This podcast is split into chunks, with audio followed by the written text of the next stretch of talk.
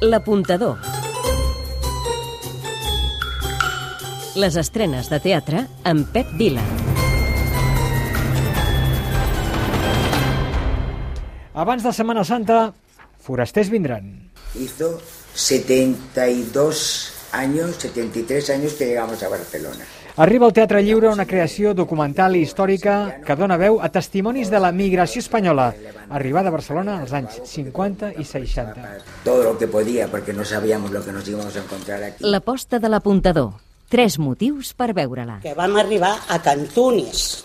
El primer, Perquè no és una obra de teatre convencional, sinó que és fruit, en primer lloc, d'un treball comunitari amb persones que, com dèiem, van migrar a Catalunya a la postguerra als anys 50 i 60.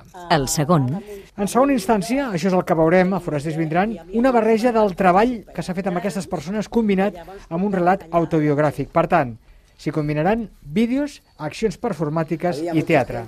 el tercer, Perquè és obra de l'autora resident al lliure Marta Galant i la dirigeix la inquieta i trepidant alhora Susana Barranco, autora i intèrpret tant de documentals com de teatre. I aquí se li qüestionarà, i d'aquí ve el relat autobiogràfic, que sent filla de migrants mai serà considerada catalana. Per tant, és una crítica a la mirada que tenim a sobre. Hola, sóc la Carme Elias i és l'apuntador qui us ho recomana. Doncs gràcies, Carme, flamant Premi Gaudí fa pocs dies.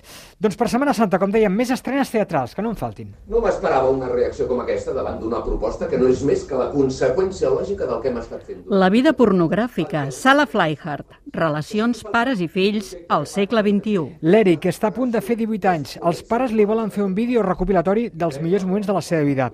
Però el pare vol anar més enllà i vol aconseguir un vídeo en concret molt important.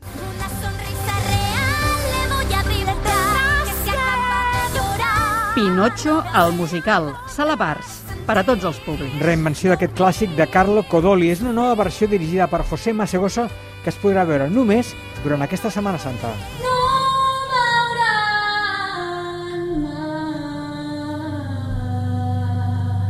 Antiòpera de les oblidades, escenari brossa, un cant de la supervivència. Marc Chornet dirigeix aquest relat d'aquells éssers invisibles, sovint menyspreats, que apareixen pel Raval des del barri xino a la Ribera. És el cant d'algú a qui oblidem després d'explotar o de consumir. És una persona, un univers, un món tan lluny i tan a prop alhora.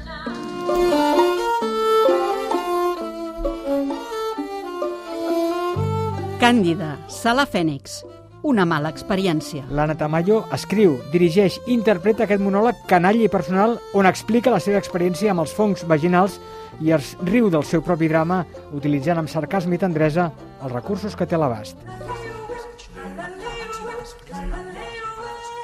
La millor nit de la teva vida, Gaudí Teatre. O la pitjor, vés a saber. Vés a saber, dos joves innocents que viuen el seu gran amor mentre una tercera persona enterra el marit i retroba un amor del passat.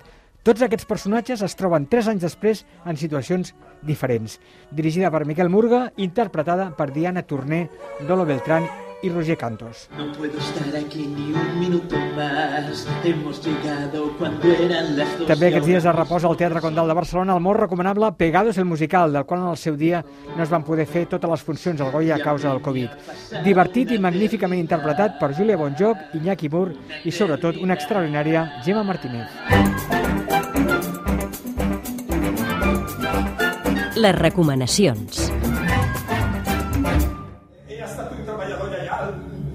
Un home sol, Sala versus Glòries, més sol que un mussol. Pobre Miquel Sitjar, acaba de fer 50 anys, es troba sol en un pis que sembla de confinament, amb un dispositiu que no para de parlar i a sobre ha de donar explicacions al govern pel qual treballa sobre els mèrits que ha fet.